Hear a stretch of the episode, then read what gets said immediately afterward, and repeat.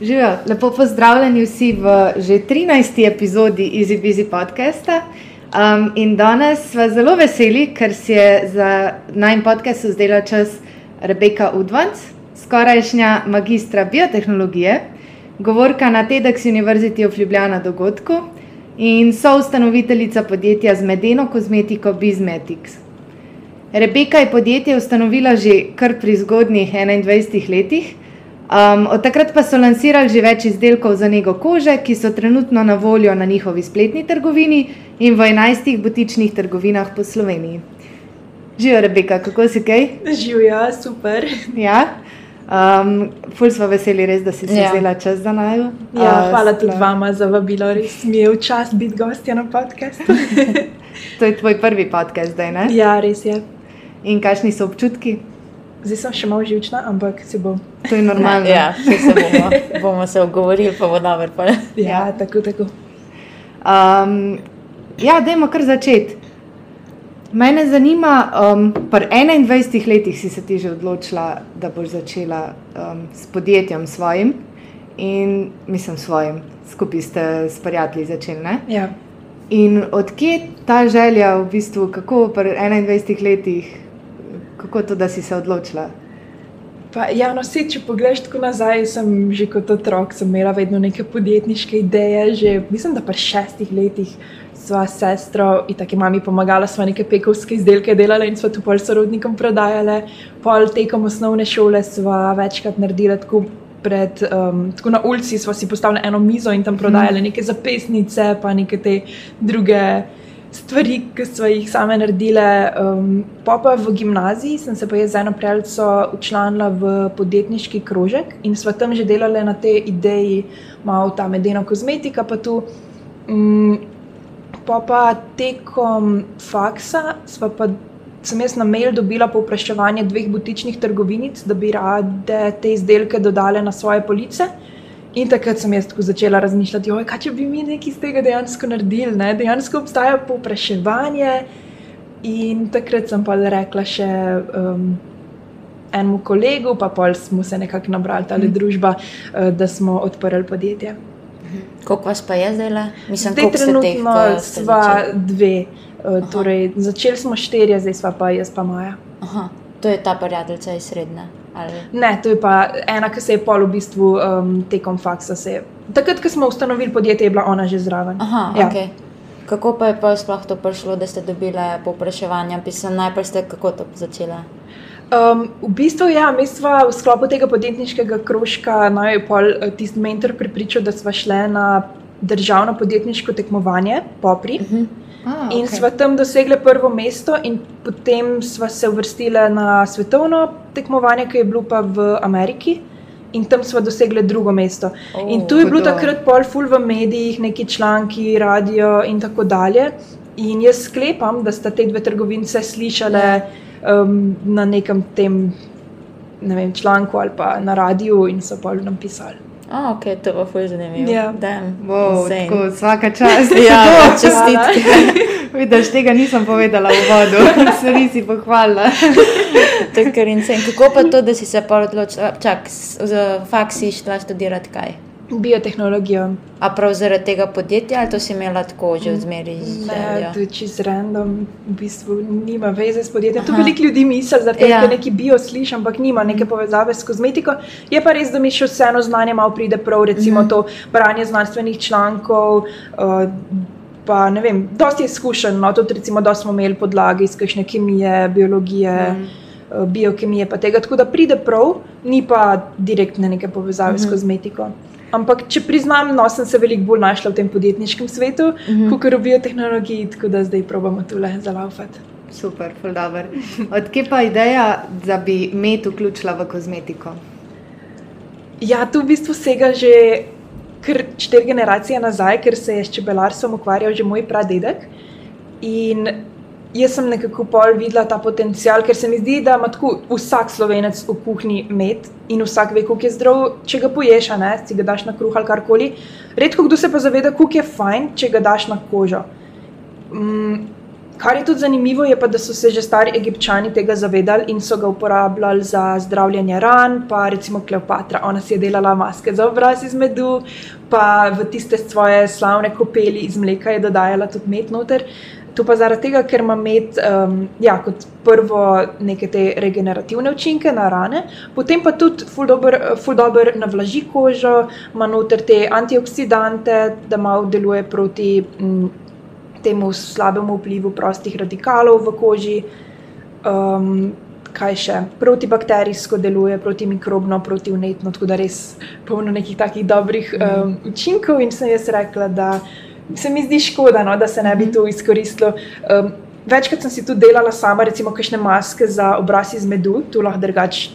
Um, ti, ki zdaj le to poslušaš, narediš doma, ker je res fajn, tako um, nega za kožo, samo vzameš med, si namažeš na obraz za pet minut in pa spereš z vodo dol. Je pa problem, ker tu se začne vse packati in sediti mm -hmm. dol. In zaradi tega se mi je zdelo malo bolj elegantno, če imaš nek serum z medom, pa si ga naneseš mm -hmm. na obraz in imaš še vedno te pozitivne učinke, hkrati pa ni te packarije. Kaj bi bil vaš prvi izdelek? Čist prvi je bil balzam za ustnice z medom. Aha, okay. ja. Kje izdelke pa še imate zdaj? Um, vmes smo imeli ene par, jih, ki smo jih pol umaknili iz prodaje, um, tako da zdaj trenutno imamo samo tri. Um, balzam z usnice z medom, potem je drugi je bil serum za obraz z medom in zdaj najnovejši, ki je tako prejšnji teden bil lanciran, je pa negovalno mazilo za telo, tudi z medom. um, tako da ja, zdaj imamo pokrito v bistvu celo linijo in obraz in nego telesa. Mhm. Za ta zadnji produkt sem zdaj slišala, da že svašta učinkuje in na komarje pike, in celjenje ran, in tako za suho kožo, tako da ful dobro. Ja, res se zdi vse stransko. No? Ja, čist noro je, mene je res presenetilo. Vsi sem tudi sama se zavedala, da, ma, da je tak multifunkcionalen, ampak polk smo ga lansirali in so se začele uporabnice javljati in so tako mm odkrivali take nore ideje, zakaj se vse to lahko uporablja in tako vsak dan pride kakšna nova ideja. Glih tale je bila najbolj zanimiva, ja, za mm -hmm. pomiritev komarjevih pikov. Jaz nisem na to niti pomislila in včeraj ker sem tam delala in je en komar letel okrog mene, med kot trikrat pičo in sem se namazala z mazilom in res je pomirilo srbečico. Tako da je res fascinantno.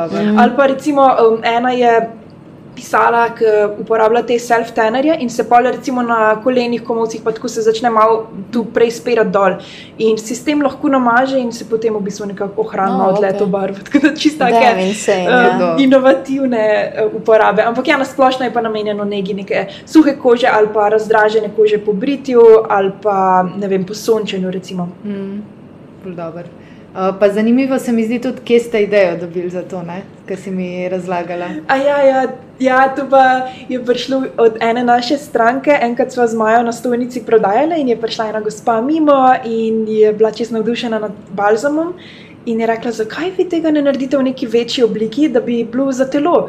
Ker ima pa ona eh, črkico dve leti, pa pol staro, ki se malo sooča s to suho kožo, ne vem, ali ima prav tudi kakšen dermatitis uh mhm. -huh. ali ne, ampak vem, da si je želela pač neko tako mazilo v stiku ki bi se sem tako namazala po nekem tem področju, in sem pa malo razmišljala, pa smo pa to dejansko izpeljali. In tudi ona je bila potem ena od testnih uporabnic in je rekla, da je njena hčerkica čisto navdušena in da se maže skozi, če se kje udar, pa ima kakšno buško, je ker tako mami, da jim mazilo, da se namažem. Ja, je kje. Ja, se to je verjetno najbolj, da če ti stranke povejo, kaj si želijo, pol je sigurno to nekaj, ja. kar bo tudi šlo. Ne? Ja, kaj ja. veš, da je povpraševanje tam. Ja, ja, ja. mm. Kako je bilo pa začeti neko podjetje kot 21-letnica? A te je bilo strah, da vam ne bo ratal? Kako si se pa soočala s tem strahom pred neuspehom? Uf, ok. Um, mi smo se tega lotili fulno naivno. Pa, če me zdaj vprašaš, bom tu rekla kot prednost, zaradi tega, ker nismo razmišljali o tem, kaj vse bi lahko šlo na robe, niti se nismo glihke dosto obremenjevali z mnenjem tistih, ki so nam govorili, da, smo, da pač naj naprej končamo faks, pa da je to ful težko, pa da ne vem, koliko procentov startupov propade in da je tako brez veze. Um, mi smo sem šli, smo tako le, nimamo nič za zgubiti, tako smo mladi, tako imamo dovolj časa še ob faksu, da se tega lotimo, probamo, če bo kaj bo, če ne, ne, v vsakem primeru pa nove izkušnje. Tako da mislim, da noben od nas, mogoče smo še malo premalo uh, preučili sceno, pa smo sam, sam šli, pa smo pa nekako speljali. No. Ampak um, se mi pa zdi, da tako zdaj. Če, uh, večkrat pride do mene, kakšna, pravljica, recimo, ki ima kakšno idejo, kakšen hobi, s katerim se ukvarja, pa razmišlja, da bi iz tega nekaj naredila, um, pa si se nekako še vseeno ne loti. In se mi zdi, da te ljudi, ki imajo nek strah pred neuspehom, bi lahko v grobem razdelili na dve skupini. Eni so te, ki dejansko imajo nek cilj, neko vizijo, pa se zavedajo, da pač jih nek strah ali pa neki uh, ustavlja pred tem, da bi se tega dejansko lotili in to izpeljali. Um, Medtem ko drugi pa mogoče si pa niti ne dovolijo sanjati ali pa več sanjati, mogoče da v preteklosti so si pa so bili pa obkroženi že od malega z nekimi ljudmi, ki so se jim posmehvali in zdaj niti nimajo več teh ciljev. In tu se mi zdi, da je lahko ena taka nezavedna slaba stran tega strahu, mm. ki pa vpliva in na naše odločitve in želje in cilje. In iz tega lahko tudi izhaja nek perfekcionizem, ker se človek boji, da bo bil zavrnjen in proba biti popoln, in to lahko pripelje tudi do izgorelosti in podobnih teh modernih težav. Se strinjam. Ja. Ja. Um, a pa se ti zdi, da ima šolski sistem tudi veliko vpliv na to, ker recimo pa vse opažam, da nekako si kreativen kot mehen, se mi zdi, da vsi smo na eni točki prodali risbe v bloku ali pa vem, limonado na ulici ali pa, ja. pač kaj takega. Ja. Ampak pa, pa ta, ta neka želja potem, da bi prodajal stvari, kar, kar mal izgine. Mogoče, ne vem, jaz sem to doskrat razmišljala, da v, nas v šoli res mogoče nas podbujajo dost v to smer. Um, ker ti si rekla, da si šla na podjetniški krožek, uh mhm. -huh. pa si tam spet odkrila, da ti je to ja. zanimivo, pa ja. dobro. Ampak v šolskem sistemu pa ni nekega predmeta, kjer bi lahko razvijal take sposobnosti, mm. se mi zdi. Ja, pa mogoče se sploh ne gre tukaj samo za to prodajo, pa podjetnost, ampak na splošno ta način razmišljanja, ki ga mi dobimo v šoli, se mi zdi, da je ful tak fiksiran. In recimo potem se bolj omejujemo s temi ocenami in se bojiš, da če boš imel slabo oceno, da bo to pokazalo na to, da ti nisi dovolj pameten, nisi dovolj mm -hmm. inteligenten, nisi dovolj sposoben. In tu vzameš kot ono, ali si pameten ali pa ja. nisi. Yeah. Če si pameten, boš vem, v tretjem nivoju, če pa nisi, si pa v prvem in nekaj dost, kar bi lahko yeah. Ja. naredil glede tega. Čeprav v resnici bi komod tudi tisti človek, ki je vem, v prvem nivoju matematike, če bi dost. Uh, ga nekdo naučil se ukvarjati z njim, in tudi sam, če bi se zauzel, pa se je naučil, bi brez problema ja. prišel do neke te stopne. Da to so vse neka znanja, ki se jih v bistvu glih z nekim trudom in treningom lahko izpopolnjuje. Medtem ko v šoli se mi zdi, da smo mogoče ne direkt, ampak tako posredno, še vseeno se mi zdi, da velikrat pride do tega, da najbolj pameten izpade tisti, ki se rab najmanj učiti za test, ne mm -hmm. največ. In nekdo, ki se je za test pripravljal en mesec, pa je dobil isto oceno kot nekdo, ki se je pripravljal tri dni, bo pol izpadel, kot da ne vem, kot je da ni. Neumen, ja. ja, nekaj mm. na to foro. Ne? In to se mi zdi narobe, tega, ker s tem pol nas že iz prve pripravijo do tega, da se ne trudimo tukaj mm -hmm. za mhm. stvari um, in probaš pač s čim manj eforta priti do nekih rezultatov. Mm -hmm. In tudi, recimo, če fejlaš, če ti ne uspe, potem iščeš neke izgovore zunaj sebe, ker če bi si priznal, da mogoče, oziroma tako gledajo, da če mi ni ratalo, to pomeni, da sem jaz pač nisem dovolj pameten ali karkoli. In namesto da bi si to priznal, potem iščejo napake zunaj sebe, recimo, aha, učiteljica je dala na test nekaj, kar je rekla, da ne bo, yeah. ali pa ja, ful, desetkrat težji test je dala kolani, pa itak ima mene na piki, pa je ful tlele strogo yeah. Ja. mi ocenila. Um, se mi zdi, da prava rešitev bi pa tukaj bila, torej, da ne gledaš na sebe kot na, na neko zgubo, ker ti ni uspelo, in hkrati ne vališ krivde na ja. druge, ja. ampak pogledaš, ok, mogoče sem se pa jaz začel prepozno učiti, mm -hmm. mogoče bi pa lahko malo bolj si tole pogledal. In tako vidiš, ono, da ni nič narobe, da samo z nekim trudom, nekim drugačnim pristopom, mogoče bi še vseeno lahko prišel do nekih rezultatov. Mm. Ja, ful se mi zdi žalostno, da eni še tako na drugi stopni, pač na magisteriju, niso ja. prišli do teh zaključkov. Ja. Še vedno slišim tako, od, ne samo od svojih sošolcev, ampak od pač naše generacije. Ja, ja da je ful težji test na, na drugi rok. Ja. Mislim, pa to je tako subjektivna stvar. Ja. Pač, mogoče je to neko snov, ki si, si jo premalo pogledal. Ja, ja, ja, ja. Pa, da, ja. dobro, to je še zastopam to, da delaš v osnovni šoli, tako še nisi yeah. Ja. vajen tega, ampak pa ali ne vem, konc srednje na fakse, pa pač sem tako del videti, pač uh -huh. sam si odgovoren za svoje ocene. Tako da pač ja. Ja, zelo težko je prevzeti odgovornost. Mm, pa tudi, ne vem, meni se zdijo te nivoji, sploh v osnovni šoli, da se otroke postavlja v neke nivoje, pa nadarjene osebe, pa neki Ja. in se na njih poli fokusira na une, ki imajo pa slabše ocene. Ja. So pa kar tako zapostavljeni, pa oni pa niso dosti dobri in jim ne posvečajo dosti pozornosti, kar lahko ful omejuje njihov potencial, se mi zdi. Ja, Tako, pač, ki so lahko zelo, zelo nadarjeni, ampak v drugem aspektu, ampak sem ne razvijajo tega, ker jim pač. Jim skozi govorijo, da ja, ti pa nisi nadarjen, ti pa imaš slabe ocene, ti pa Ja. ja. si z tebe pa nič ne bo. Ja, ja, narekovajih. ja.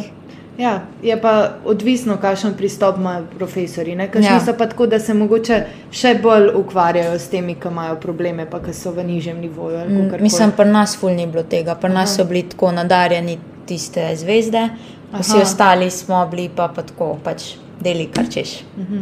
Ja. Ja, ne vem, jaz Ja. ja. nisem tega občutka dobila v osnovni šoli, -hmm. ampak je pa to čist sigurno odvisno od tega, Mm. mm. kam si hodil. ne. ja, itak. Tako da- Ja, pa s tem se mi zdi, da se tudi, tudi um, tekmovalnost potem ful Mhm. spodbuja, namesto da bi nek teamwork spodbujali, ja. neko sodelovanje, jaz sem to uno, kdo bo boljši, kdo, kdo bo. Ne vem. Ja, tako, in nek, nek ta individualizem. Mhm. In, ja, Kar se pa pozna, recimo, v tem, da skrivaš zapiske, pa jih nočeš Ja, ja, posojati. ja, Ja. Če se bo nekdo hotel naučiti, se bo tako ali tako naučil. Ja. Ja. Če se pa ne bo hotel naučiti, mu pa tudi tvoji zapiski ne bodo Mm. pomagali. Ne? Ja. Ampak dobro, ja. Ja, pa tu prej, ki si rekla, se mi je zdelo ful fajn, ker dejansko moraš prevzeti neko odgovornost za stvari. Um, in to je tudi povezano s tistim, kar smo se prej pogovarjali, s tem nekim strahom pred neuspehom, ker dokler bo človek iskal neke zunanje stvari, ki mu manjkajo, da bi se lotil stvari, recimo, ne vem, se hoče spraviti snemati podcast, pa bo rekel, nimam dosti dobrega mikrofona, nimam dosti dobre opreme in bo tako potem odlašal z neko odločitvijo. In ko se enkrat odločiš, da si v bistvu ti sam odgovoren za izid, takrat se lahko res začnejo dogajati neke spremembe. Um, in tudi zdi se mi mogoče na to temo še bi dodala, da si malo redefiniraš, kako ti sam, um, kako sam doživljaš uspeh. Ker tudi, če recimo ti ne rata točno tako, kot si si zamislil, da bo, lahko še vseeno najdeš ful nekih dobrih stvari iz tega um, celotnega postopka. En citat, ki meni ful všeč je recimo. Um, Failure is a discovery of what's not working. Torej, Mhm. to je neko odkritje, še vedno si nekaj zgruntal, ki ti bo prišlo prav v življenju naprej. Tako da na ta način se mi zdi, da se lahko hitro znebi straha. Pa ena stvar, ki mogoče tudi lahko pomaga, je ta moč miselnosti. Pa vem, da tu se sliši mogoče tako malo spiritualno, ta of attraction, kao da privlečeš na sebe neke frekvence, ki jih oddajaš. Ampak če čistko racionalno pogledamo na stvar, um, jaz verjamem v to. Zaradi tega, ker ne vem, če ste se kdaj šli tisto igrico, kao, da ko vidiš rumen avto, lahko udariš osebo zraven sebe. Meni je tu en kolega enkrat povedal in sem bila tako rumen avto, pač tu te hitre ni nikjer. In pa sem jih povsod začela Ja. videti, ker si ne bi človek mislil, da je tu rumenih avtov na cestah. In tu se mi zdi, da je nek tak dokaz, da Ja. ta stvar, na katero fokusiraš svoje misli, tu boš začel okrog sebe videti. In če boš iskal izgovore, ker pač ne vem, mogoče nezavedno je nek strah pred neuspehom in pol. Boš vedno tudi našel neke izgovore. Če boš pa iskal nek način, neke priložnosti in se fokusiral na to, boš pa začel tudi okrog sebe potem videti te priložnosti, ki te lahko pripeljejo bližje cilju. ja, absolutno se čist strinjam. Mm. Ja. Um, všeč mi je to, kar si rekla z uspehom, da, lahko, da je odvisno, kako meriš uspeha. ne. Uh -huh. In zdaj sem v bistvu začela razmišljati, meni se zdi, da pri sebi, čisto osebno, ja. merim uspeh s tem, že, za me je uspeh že to, če si upam stopiti iz cone obdobja, ne glede na izid. Fulover. To sem za zdaj, v bistvu sem zdaj to dojela, to, kar si tako povedala. Ja. Ampak se mi zdi, da že celo življenje kot uspeh, neki, tako gledam na uspeh. No? Uh, ker recimo se spomnim, enkrat sem gledala pač za ta poletna dela. Um, in sem jih tako iskala nekaj, da bi bilo dosti dost, dost dobro plačan, in takrat je bilo kelnarjenje delč najbolj plačan. Uh -huh. Ampak sem vedela zase, da sem tako mal štorasta, pa da mogoče nisem ni za kelnarjenje dobro, a ne? ampak sem si rekla, evo, grem provat. a ne. In se prav spomnim, da sem hodila po cesti in sem rekla, imaš to, imaš to, imaš to, ratal ti bo v glavnem, ful sem se spodbujala in pol dejansko sem kelnarila eno poletje. ne. Pa sploh nisem bila tako slaba v tem. Ampak vem, da takrat sem si govorila, da pač že sam to, da bom šla probat, je pač nek uspeh. Bom ponosna na sebe. Tudi če ne bo dober, tudi če ne bo ratelj, tudi če bom najbolj za noč, pa mi bo rekla šefica, da me noče vzeti v službo. Ja, ja, ja. ja. Tako da to se mi zdi res pomembno. In, ja, brez veze razmišljati, kaj bo, če bo. Pač mm. Mogoče boš pa probo neki, pa ti bo ful zalaufal, čeprav boš si mislil, da pač ti mm. ne gre neka stvar. Dobro. Ne? Ja, pa tu se mi zdi, da smo ljudje tako res naravnani, žal, da je včasih neka znana situacija tako udobna za nas, da rajš ustrajamo v njej, tudi če je to za nas known hell instead of unknown heaven. Ja. Mm.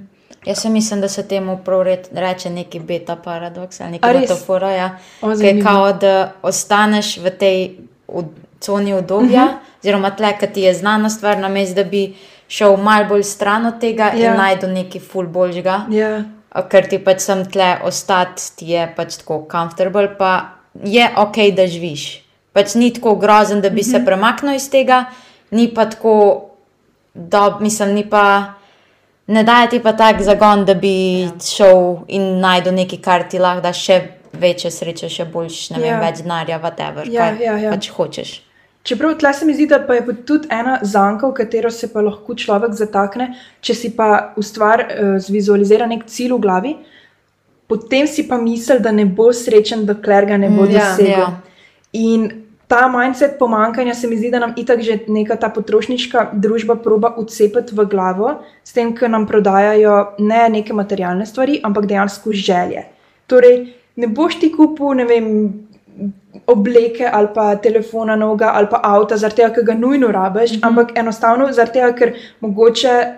V resnici se za tem skriva neka želja po lepoti, mm -hmm. neka želja po spoštovanju, ugledu, in upaš, da boš tu dosegel s tem nakupom. In potem je to neka lažna sreča, to potrošništvo, ki itak nikoli ne zadovolji v celoti, ali pa je samo neka kratkotrajna sreča. In takoj, ko nekaj dosežemo, potem že krejvamo nekaj mm -hmm. drugega. In isto se mi zdi, da je lahko s temi cilji, da si rečeš, ok, zdaj le ne bom srečen, dokler ne bom tega dosegel. In ni problem, da te svoje fantazije ne bi mogel doseči, ampak je problem v tem, da tudi ko jo boš, mogoče to ne bo pol pripeljalo do rezultata, ki si ga želiš. In tleh se mi zdi, da je pomembno, da ozavestimo, da te good old times se dogajajo že zdaj. Ja, res je. Ja, ker točno to, kar si rekla, ne? good old times. Ja. Ja, Noben ne reče, ne vem, good now time. Ja, ja. ja actually, ja. Ampak ja, meni se zdi to res pomembno, da probaš najti neko srečo v trenutku. Ja. Ja, in ne vem, zakaj nam je to včasih tako težko. Isto, recimo, zanimivo mi je, če razmišljaš o počitnicah. ne, Ja. Se ti zdi to nekaj najboljšega na svetu, kako Ja. ja. boš ti na morju. Pa pa prideš na morje. In ti je doskrat, ne vem, vroče, ja, jamraš. jamraš, sonce Ja. je, ne vem, kaj sploh ne znaš tako zelo uživati, ker Ja, pač ja. toliko bolj uživaš v tej misli na, Na počitnicah, ja. ja, Ja, pa ja, v ja. dejanskih počitnicah. Ja, mogoče smo ljudje že m, evolucijsko malo tako naštimani, da imamo vedno en kanček tega diskomforta, glizar tega, da je neka želja po napredku, po spremembah. Mm -hmm. In ja, je tle pol pomembno, da res se ustavimo, pa probamo opaziti neke male stvari, mogoče pišemo kakšen dnevnik hvaležnosti, mm -hmm. ali pa nasplošno nek dnevnik, ki ga pol beremo za nazaj in vidimo, kako daleč smo že prišli, koliko stvari smo že dosegli, ki smo si jih včasih ful želeli Ja. in zdaj jih kar imamo in sploh ne pogruntamo. Tako da tu mogoče kakšni taki mali triki. A pa uporabljaš kakšne take trike, pišeš dnevnik ali pa. Ja, ja, dejansko. Pa zdaj sem si tako zadnje tri tedne sem začela konsistentno izvajati jutranjo rutino. Okay. In pa tudi neko krajšo večerno rutino, in je res en tak game changer. Um, recimo, zjutraj se zdaj trudim, oziroma se sama od sebe, brez budilke, se vstanem tam nekje med pol sedmo in sedmo uro, in potem najprej, um, najprej začnem s tem dnevnikom hvaležnosti. Sem ene par stvari, čisto na kratko mm -hmm. si napišem, tako da se že iz prve zjutraj dam v ta. Um, Pozitiven mindset. Tako, pozitiven ja. mindset. Pol sledi uh, neka telesna aktivnost, zdaj, ki je tu vroče zunaj, tu ponovadi nek pilates noter, drugače pa ne vem, grem mogoče tudi kaj hoditi ali pa rolati ali pa karkoli. Zatem sledi mrzo tuš, Okay. Tu sem, ej, tu sem tukaj časa mislila, da karkoli, uh, mislim, ful stvari delam za svoje zdravje, ampak mrz tuš tu pa ne bom Sej, delala. jaz isto. Res, Ja. Ker tu pa vem, da je fajn za dolgoživost, ampak se mi ne zdi vredno cel life tu Mhm. trpeti za tistih, kakorkoli že je čas, da bi ti tu bolj podaljšali življenje. Pa pa zadnjič me je sestra prepričala, rekla, pa dej sem probi, boš videla, ker rata lažje. Mhm. In sem se prsila. Glej, to, ko si rekla, šla je cone v Ja. to. In ej, presežem, da zdaj se prav veselim tega po tisti telovadbi, ki mi je vroče in komaj čakam, da se polijem s tistim mrzlim tušem. Sicer prvih par sekund je še vedno neprijetnih, ampak pa pa se navadiš. Mm.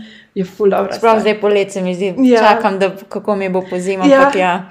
A zdaj- tuš? Ja, zdaj okay. zjutraj, zato ker hitreje, pač zdaj hodim prej na šiht in me ful zbudi Ja, tudi. ja. In so tako, pač bom zdaj vsaj polet, pa po zimu videla, nadaljevala, ali ne, ampak ful sedeja. Ja, ja, ja, pa tu je dejansko, tudi tako čisto fiziološko gledano, se temperatura našega telesa um, dviguje od takrat, ko se zbudimo, oziroma že od mal prej, pa potem do ne vem, sredine dneva. In s tem mrzlim tušem nekako spodbudiš telo k temu, da bo še malo hitreje dvigalo mm. temperaturo in zaradi tega zbudi. Jaz vedno Ja. ja. sem mislila, da je pač sam ta šok mrzla. Ja, voda. jaz isto. Ampak ja. je dejansko je neka ta um, znanstvena okay. razlaga.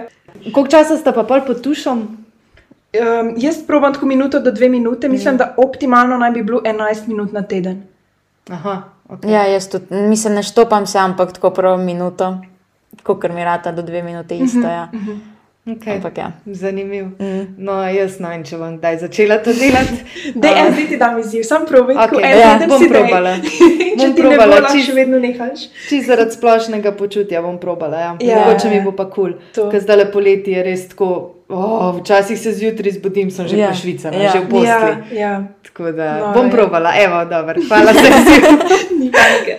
Um, aha, da se vrnem zdaj k Ja, rutini. ja. No, pol uh, pa to nadaljujem še z branjem knjige, zdaj je sicer prevroče, ampak um, ponavadi se dam ven na sončno svetlobo, zaradi tega, ker tu je tudi full fajn mm. za zbujanje, da si zjutraj izpostavljen neki naravni močni svetlobi. In um, tu potem spodbudi sproščanje kortizola, ki je hormon, ki pripomore k temu občutku zbujenosti. Ja, tu sem tega, kaj že Huber- Hubermana, ja, ja. sem Ja. poslušala. Ja.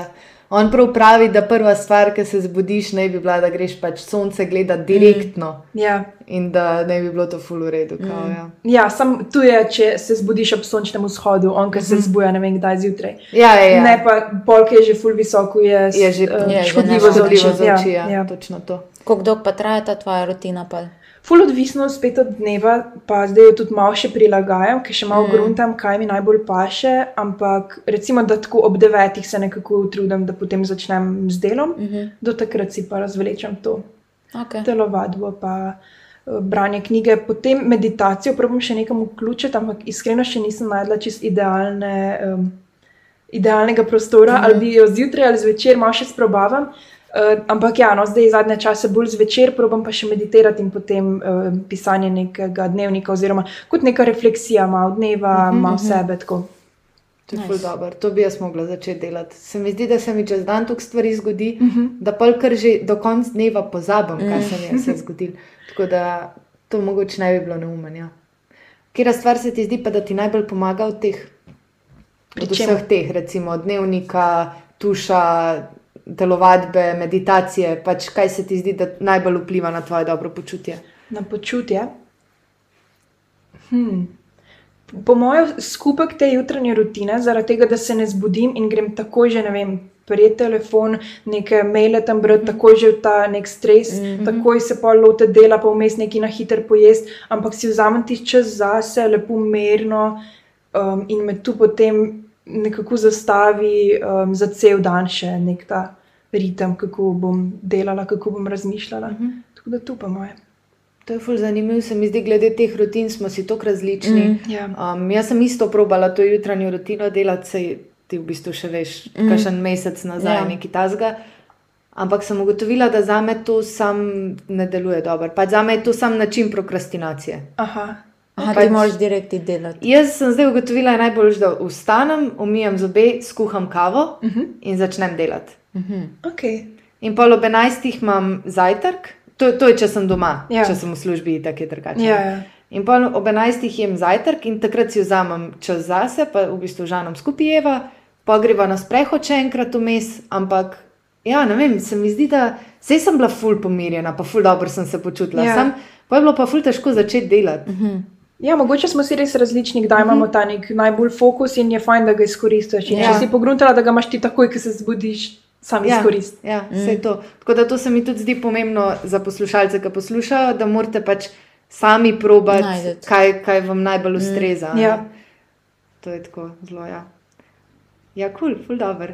Um, kaj pa glede produktivnosti, a si kaj ugotovila, kaj ti pomaga najbolj, um, kako se pol spraviš v ta working flow?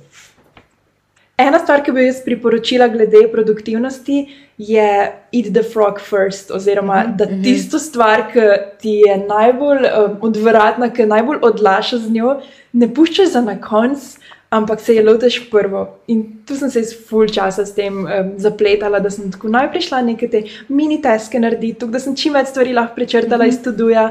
In tisto ta veliko stvar, pa nekako je zmanjkalo časa. Ja. Upsi. Ja. In zdaj sem tako res eno stvar, imam vsak dan, uh, si probam no, zbrati eno stvar, ki je najbolj nujna in tako important and urgent, in tiste stvari se najprej lotim, in pol tiste ostale stvari, če, če si jih naredim, če ne, ne, ampak tukaj, imam res fokus na eni stvari in se pol tega lotim. Mm. Pa sem pa tudi pogruntala, da včasih se jaz preveč ženem in sem tako, ful imam preveč dela, ne morem si zdaj le prvoščiti enega dneva pauze.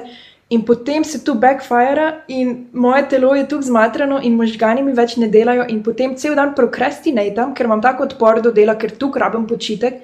Da bi bilo bolje, da bi si ti dan vzela Ja. prej, pa ne vem, gledala filme cel dan ali pa si natočila bano, pa ne vem, uživala, pa se potem z napolnjenimi energijami vrnila. Mm. Tako da zdaj sem si res dala pravilo, da si vsaj en dan na teden vzamem totalno na off in imam tak odklop in se potem vrnem nazaj bolj sveža.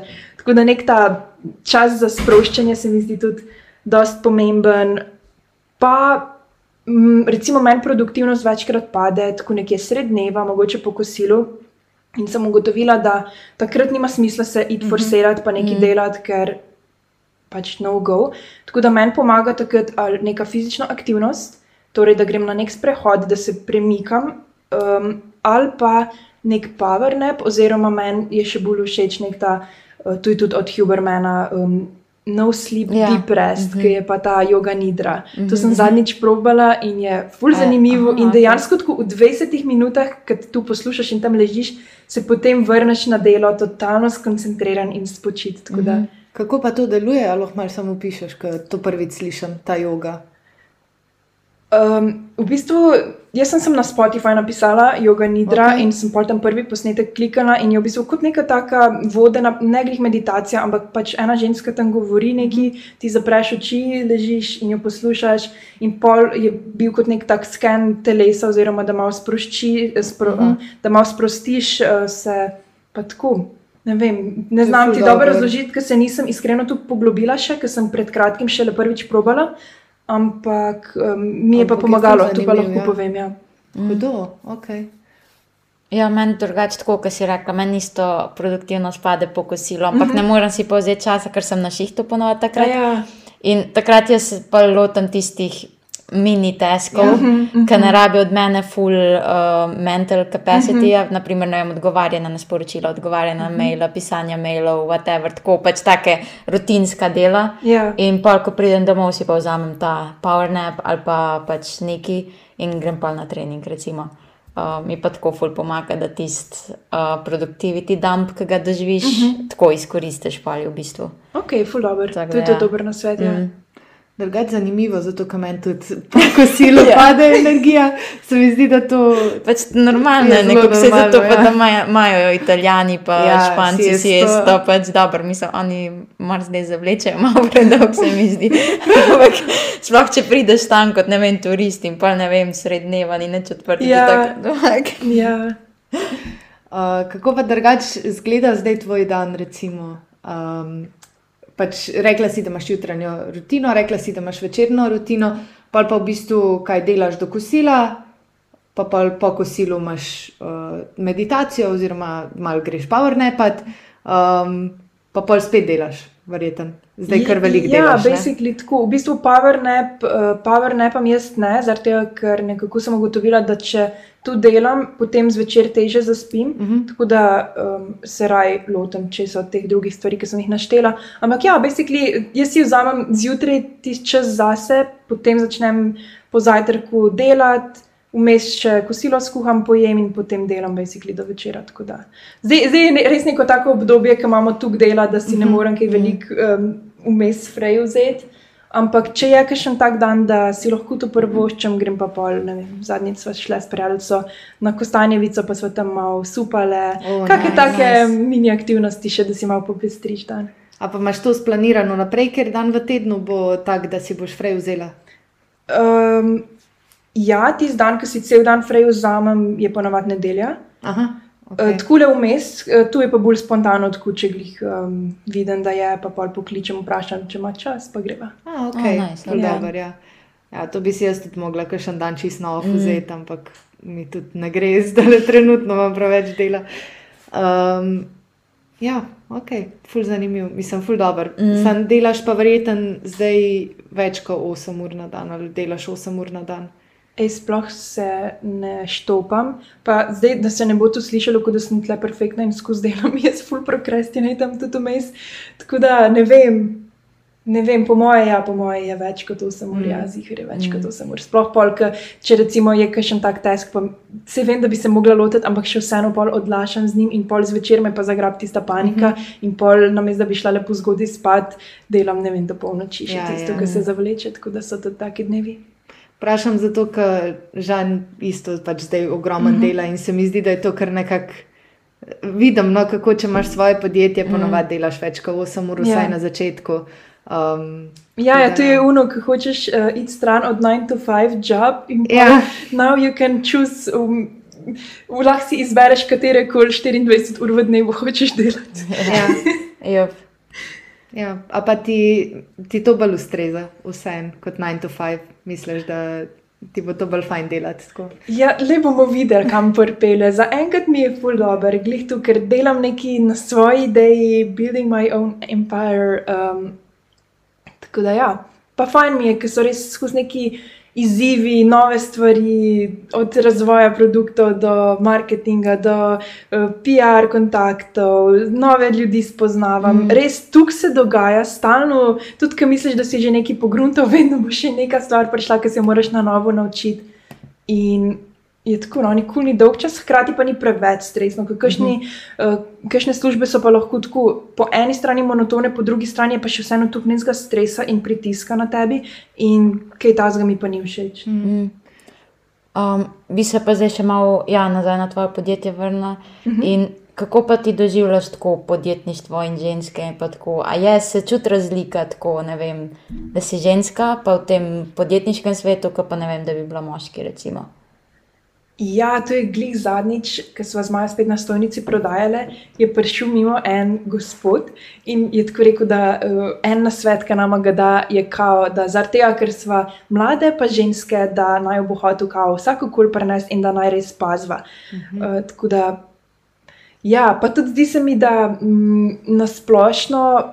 Jaz sem imela no, parkrat tako izkušnjo, da so moški tako malo negativno gledali na to, uh -huh. kot da bi bila podjetnost neka negativna lastnost za žensko, v smislu, mogoče, da se malo, kot da bi se malo bal teh neodvisnih žensk, da bodo zdaj pa služile več kot on in bo to nekako ogrozilo njihovo moškost, ali pa da če bo ženska neodvisna, potem oni ne bodo videli neke svoje vloge. Mm -hmm. Čeprav se mi zdi, da tu, da je ženska podjetnica, še zdaleč ne pomeni, da zdaj pa ne rabi nikogar v življenju in da lahko mm pa vse naredi sama. Um, tako da ja, to pa tudi zdi se mi, da mogoče m, včasih lahko. Ne vem, meni je enkrat prav en rekel, da pač si ne bi želel biti karierist, pa sem tako. Ok, ampak se tu, da se ženska žene za kariero, še ne pomeni, da vidi samo denar in da nič ne dela na sebi, na svoji osebnostni rasti, na duhovni rasti. Ja. Um, tudi tako se mi zdi, da se eni ustrašijo, ne, ker provider tu naj bi bila neka moška vloga in se potem si mislijo, da je ženska preveč v tej svoji moški energiji. Ampak se mi zdi, da tu meni ponavadi pokaže več o njih samih in o Mm, ja, njihovih ja. strahovih, in mogoče na to, da jih opominja neka uspešna ženska, lahko na to, da sami si niso upali iz cone Ja. obdobja, da sami niso dosegli nečesa, kar so si želeli doseči. In pol te negativne lastnosti projicirajo name. Tako da jaz sem se naučila oddaljiti od vsega skupaj, se mi zdi pa, da tle nek glavni trik, ki je meni pomagal, je, da, da se te neke te kritike ali pa negativne opaske ne dotaknejo, ne smeš niti komplimentov, pa pozitivnih opask um, vzeti preveč k srcu. Ker recimo, če si ful. Um, Ful pomena daješ nekim tem um, komplimentom, tu še vseeno pomeni, da si svojo to um, samo podobo nekako krepiš, oziroma jo temeljiš na mnenju drugih. In pol, Mhm. takoj, ko pride neka kritika, te bo tu potrlo. In se mi zdi, da če se pa uspeš malo oddaljiti od tega, pa si pač rečeš, ok, eno je, če ti nekdo, ki ti je res blizu, da neko konstruktivno kritiko, nekaj čist drugega je pa, če ti bo pa tu rekel nekdo, ki sploh nima pojma, kdo si. Mm. Ja, točno to je. Um, je zanimivo to, kar si rekla, vse, kar naj bi bile kao lastnosti podjetnih žensk. a ne. Ja. Jaz, kot ženska, pa se mi zdi, da je vse jih obratno. Ne vem, se mi zdi, da vsak, ki hoče biti dober podjetnik, mora imeti blizu sebe nekoga, ki ga bo podpiral. Ja. Mm. To se mi zdi ful pomemben. Pol, zdi se mi, da ženska, ki se žene za tem, da bi pa, mislim, ženska, ki je ambiciozna na splošno, ponavadi dela tudi na sebi. Ja, Ja. Ker ne moreš biti uspešen, če nimaš pri sebi poslih. Ja. Um, in hkrati tudi to, kar si rekla, da včasih je to malo moška energija, uh -huh. da je ženska podjetnica, ampak ne vem, ti recimo, ki te gledam.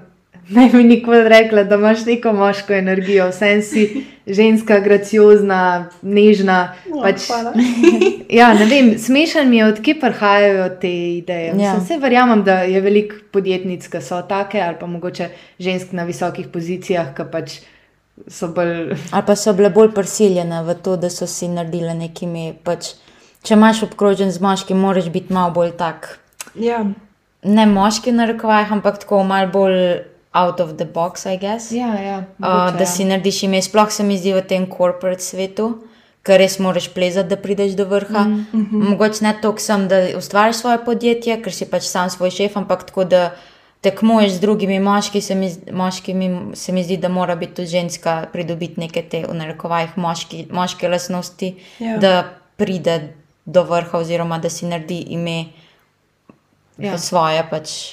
Ampak se mi zdi to ful dobro, da imaš nekaj moškega. Ja, ja, pač to ni da negativno. se lahko zase ja. postaviš in tako, ker pač te kakšne klasične ženske lastnosti ne, znajo biti tudi nekaj, kar te lahko zavira celo življenje. Ne. Ja. In obratno, se mi zdi, da če mm. moški hoče biti zelo uspešen, Ja. mora mm, razviti neke bolj ženske lastnosti, recimo empatija. Ja. Pač, Take stvari, no, ne vem, bolj ta materinski čut na nek način. Če imaš ti nekaj ljudi pod sabo, moraš imeti tudi neke ženske mm. lastnosti, da znaš dobro tudi menedžirati ljudi, da se daš, znaš dobro ukvarjati z njimi, da jim znaš pomagati, da znaš najboljši iz njih potegniti. ne. Tako da se mi zdi to vse ful pozitivno. Ampak ja, je pa malo žalostno, da kašni tega ne vidijo tako. Ja, pa neko ravnovesje še vseeno, da najdeš. Ne?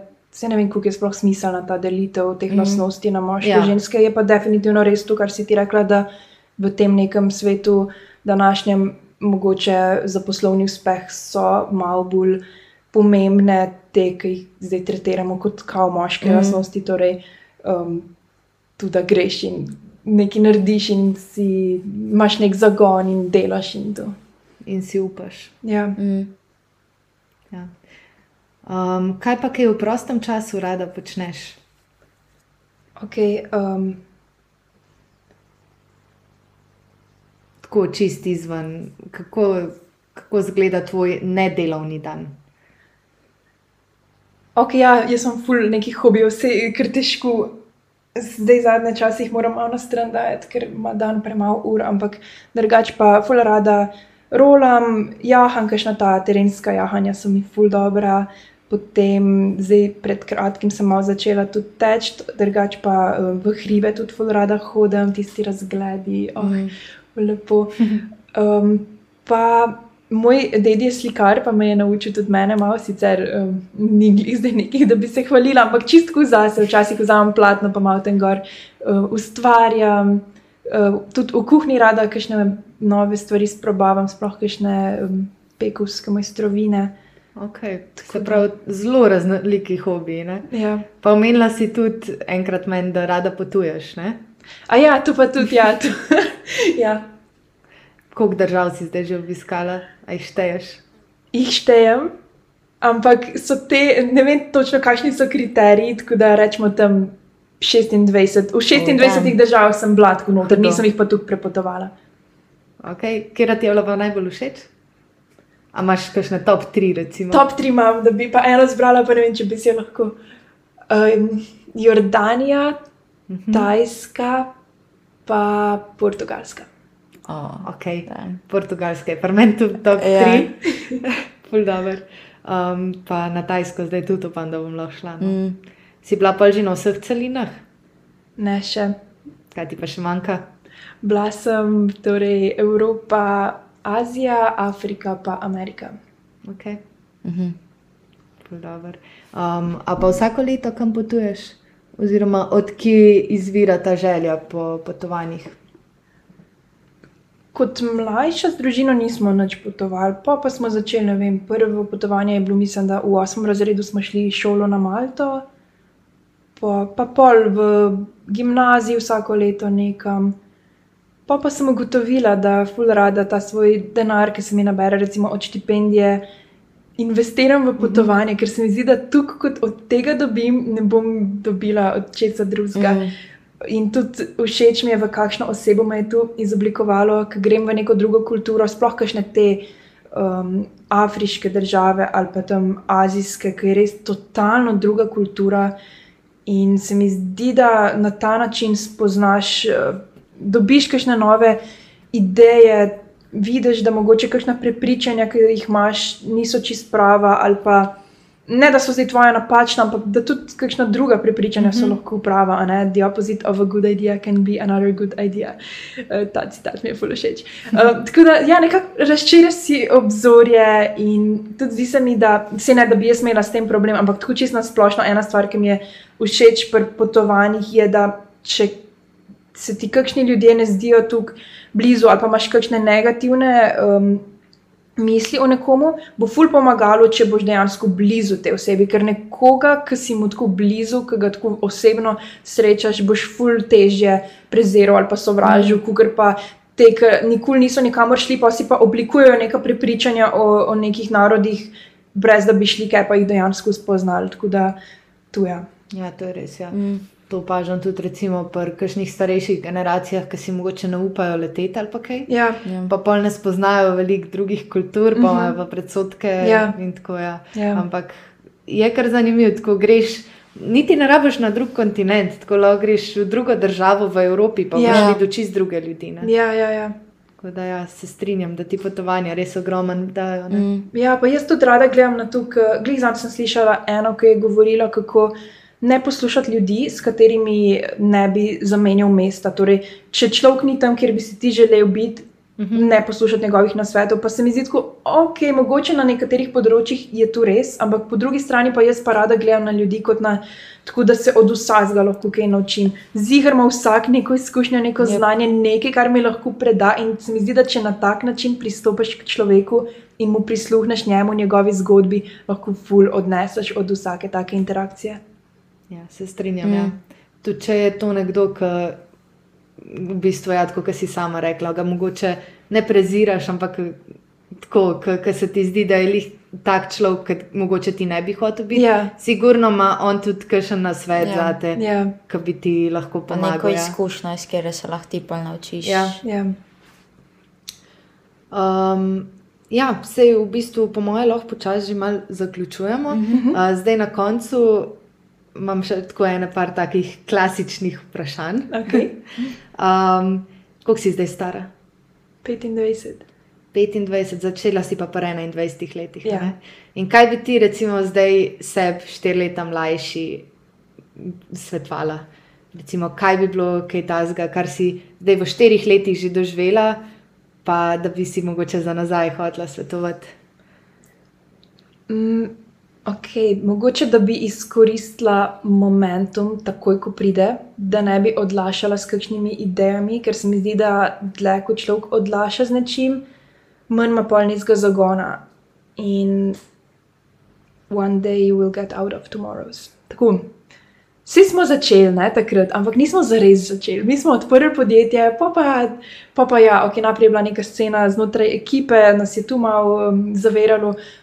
Po pa ne vem, skus neki izgovor, ja, pa zdaj imam faks, pa vedno, vedno je bil ta bizmetik tako neki ob strani. Tako da se mi zdi, da smo šele zdaj v zadnjem letu z Majo res prijele stvari v roke, pa rekli, ok, da jim zdaj le tu le malo zalaufati. Tako da mogoče tu, no, da bi se upomnila, da, da bi že prej, do, takoj, ko smo dobili neko to motivacijo, da, da ne bi odlašali z njo, ampak bi izkoristili to. Mhm. Ja, to je zelo pomembno. Ja, po drugi strani pa vprašanje, če se ni mogel tako zgoditi, kot se je, ne? da je boljša ta pot. Ja, mogoče, mogoče. na, dolgi, ja. na dolgi rok. Ja. Pa še en svet, ki bi si ga dala, je pa, da bi malo bolj bila izberčna glede svoje družbe. Sicer to mogoče ni tako relevantno v zadnjih štirih letih, ampak še bolj za nazaj. Ali pa tudi, no, ne vem. Mislim, da se nisem zavedala, kako velik vpliv ima na me moja družba. Pa se mi zdi, da nisem jaz le izjema, da v Ne, bistvu ja. vsak človek, uh, tudi tak, ki si mogoče ne prizna, pač uh, rata nekako tu, podoben ljudem, s katerimi je obkrožen. Ja. In, in jaz ful nisem bila tako zberčna, in potem je to imelo vpliv. In se mi zdi ful tako pomembno, da se obdaš z ljudmi, ki se namesto o tem, da ne vem, stalno neki jamrajo o preteklosti, pa se pritožujejo, pa obrikujejo, da se obdaš z nekom, ki bo se pogovarjal o nekih načrtih, o možnostih, tako, o nekih projektih. In bo imel neko motivacijo, zagon, in tu pa še, še mene navda z dodatno energijo. Ja, se strinjam. Ja. Pa predvsem, da so to ljudje, ki ti želijo dobro. Ja. Tako, tako. Ker se mi zdi tudi, recimo, pri sebi sem opazila tako čez življenje. Eni ljudje enostavno nočejo, da ti uspe. Ja. Ja, res je. Ja. In je zelo pomemben, sploh kot podjetnica, uh Mhm. -huh. da, da si pač obkrožen z ljudmi, mm. ki te spodbujajo, pa ki si res želijo, ti sam najboljši. ne. Ja, jaz sem tudi Ja. to opazila, predvsem, ker sem prišla tle v Ljubljano. Uh Mhm. -huh. Prej nikoli nisem toliko razmišljala, kakšne ljudi imamo okoli sebe, pač si bil v tisti srednji šoli, to si imel. Ja. Ja. Pa, pa tle v Ljubljani imaš pa malo več možnosti in si dejansko lahko sam zbiraš, s kom se družiš. In sem tle pač našla tako nušo, pa s temi z vsemi, ki sem obkrožena in sem se pač čisto spremenila, tako v roku pol leta, maybe. Ful dobro. In je pač, ja, ful naredi razliko, ja. Ja. Sigurno, ja. Ja, ja. Pa tudi jaz sem eno napako delala, jaz sem tako mogoče malo kolerika. In uh, sem velikrat kakšnim osebam, ki se niso strinjale z mano, hotela na vsak način dopovedati neke stvari. Pa ne zdaj, da bi se kar z vsakim skregala, ampak tako, če sem pa vedela, da imam prav, da imam neko znanstveno podlago za neko svoje mnenje, sem se pa spustila v, v nek ta, um, neko to pregovarjanje in tega zadnje čase se probam ful izogibati. En prijatelj mi je dal na svet, choose your battles wisely. Mm -hmm. In zdaj se res tako vprašam, a je vredno mojega miru, da grem zdaj in to osebo v neki probam prepričati, mm. ali pač naj se mu pustim, da živi v zmoti. In se res vprašam tu in sem ful bolj zbirčna. Tudi, tudi glede tega se mi zdi, da pol, eh, sem bolj srečna, ker pač enostavno se ne obremenjujem tukaj s tem, mm. uh, kaj si, mislim, ja, z mišljenjem drugih. Tako. Pa tudi ogromno energije, Ja, ja, ja, da se ja. spustiš v neki tak. Ja, pa ki mu hočeš dobro, ki Ja. ja. veš, da bi mu mogoče koristilo, ampak enostavno ni pripravljen slišati. In, ali pa tudi, če bi bil, ni vredno včasih. Mm. Ja. Kaj bi pa, ne vem, svetovala nekomu, ki razmišlja zdaj le v podjetju, pa še niči zihar ali bi ali ne bi, kako se tega lotiti, kaj so tvoje, ne vem, najboljši napotki glede tega. Se mi zdi, da se človek včasih ustraši, oziroma sploh mi zdaj, ki smo tle nekje na koncu faksa in smo tako, a bi podjetje, a bi službo. In to, kar si boš zbral, je neka odločitev, ki jo moraš pa imeti do konca življenja. To je neko tako, tako breme potem da na nas, kot da je to neka tako gromozanska odločitev, ker res ne smemo se na, na robe odločiti in zaradi tega pa tu mogoče odlašamo, pa preveč premišljujemo, da, da si razbremeniš misli, lahko na ta način razmišljaš, da prvo kot prvo ni eno ali drugo, lahko je oboje. Pač lahko imaš neko službo, pa imaš tu kot side hustle, nek popoldanski SP za začetek, pa vidiš, če bo kam pripeljalo. In drugo, tudi če si izbereš neko karjerno pot, pa pogruntaš, da to ni tu, lahko jo zamenjaš, lahko na vsake ne vem, 5 do 10 let zamenjaš kariero. Ni tu nekaj, česar bi se lahko pol, zdaj le si se odločil in s to odločitvijo pol držati ne vem, koliko Mm. časa pač lahko tudi, če ti to paše. Ampak sem tukaj, da, da ne dajemo tukaj tuk poudarka na to neko Mm. eno odločitev.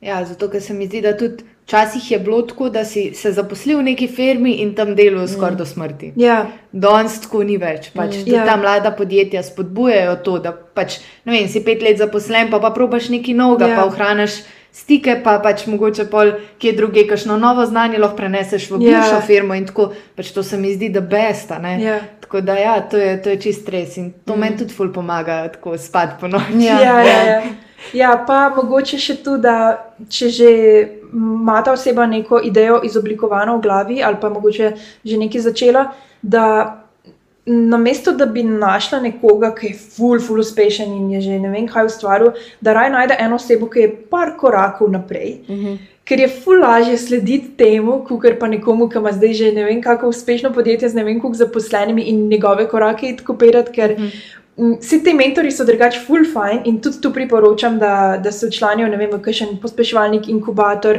najdejo mentorja, recimo en program v Sloveniji je eh, prvi mentor, ki brezplačno dobiš nekoga um, in je ful fajn, ti dajo ful dobrih nasvetov, ampak po drugi strani pa nikoli ne bo dobra ideja čist skopirati neke poti, po kateri je šel nekdo drug in, mm. -hmm. tu, in misli, da bo zate isto dobro delovalo. Mm. -hmm. Se mi zdi, da je še vseeno pomembno malo bolj prefiltrirati vse te nasvete, pa na koncu delati nekaj, kar ti čutiš, da je prav. Mhm.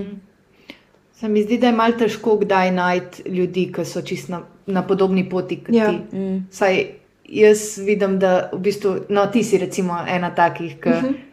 Ki si pač par korakov pred mano, ne, pa, da, pa da se zdaj poznava. Okay. Ampak na splošno se mi zdi, da je težko take ljudi najti. Večina mm. jih zdaj razmišlja o 9-to-5 jobih.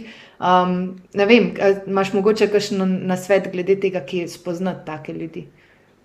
Ja, jaz Pa sploh nimam čisto tega občutka, ampak mogoče glih zaradi tega, ker sem že nekako obkrožena. Recimo, um, tu, da se učlaniš v nek inkubator, tam bodo bili vsi ostali, ki bodo tudi razvijali neko podjetniško idejo. Uh, Tako da res na kakšne take komunitije najdeš, ali pa ne vem, na Facebooku so kakšne te strani, druga ob drugi, od hobija do biznisa.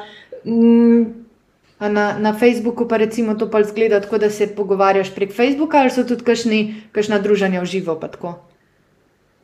Tam lahko napišeš, pač, če imaš kakšno vprašanje, pa mm -hmm. ti pa v komentarjih svetujejo. Mislim, da včasih tudi postajo za kakšne evente. Okay. Tako da ja, se da najdete. Ali pa mogoče čistko, jaz sem ugotovila, da ne smete biti strah vprašati ljudi. Tudi če recimo najdeš tako čisto na internetu neko podjetje, pa si misliš, eh, ta človek zihar nima časa Ja, ja. za me. Ja, si ga bo zdaj, se mi zdi, da pri podjetnikih Mhm. mm, je res tako, da ker vejo, kako je težko iti po tej poti, da bodo z veseljem svetovali in bo vedno bo človek našel tiste pol urce. Je pa tudi pol pomembno, da mm, si tudi ti se nekako pripraviš na to, si pripraviš dobra vprašanja, se prej tudi pozanimaš o tem človeku in njegovi poti, da ne boš pol wastel tam njegovega časa. Mm. Ja, sigurno. Ja. Uh, drugače sem isti občutek dobila, da tako podjetniški svet je nekaj najlepšega. Ne vem. Ja, Ja, se so tako supportive. Ja. ja, ja. Nikjer druge še nisem dobila tazga občutka, da, da ti drugi hočejo tako zelo iskreno pomagati. Mm -hmm. Ne vem, saj to je moja izkušnja. No. Mm. Ja, um, pa, pa bi še vprašala, če imaš še kakšen življenjski nasvet. Ne samo podjetniški, ampak tako, kar se tiče življenja. Okay. Mm.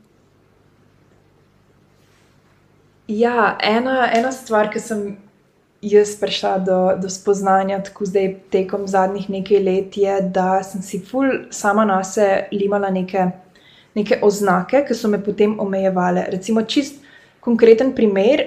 Jaz v osnovni šoli vem, nisem bila preveč dobra v športu, pa v angleščini. In jaz sem se tega tukaj držala, jaz sem bila tako, ok, dober, ni, ne gre mi noben skupinski šport, tako da jaz enostavno nisem talentirana za to, pa ne, gre mi, ne grejo mi tuji jeziki, pač nisem talentirana za to.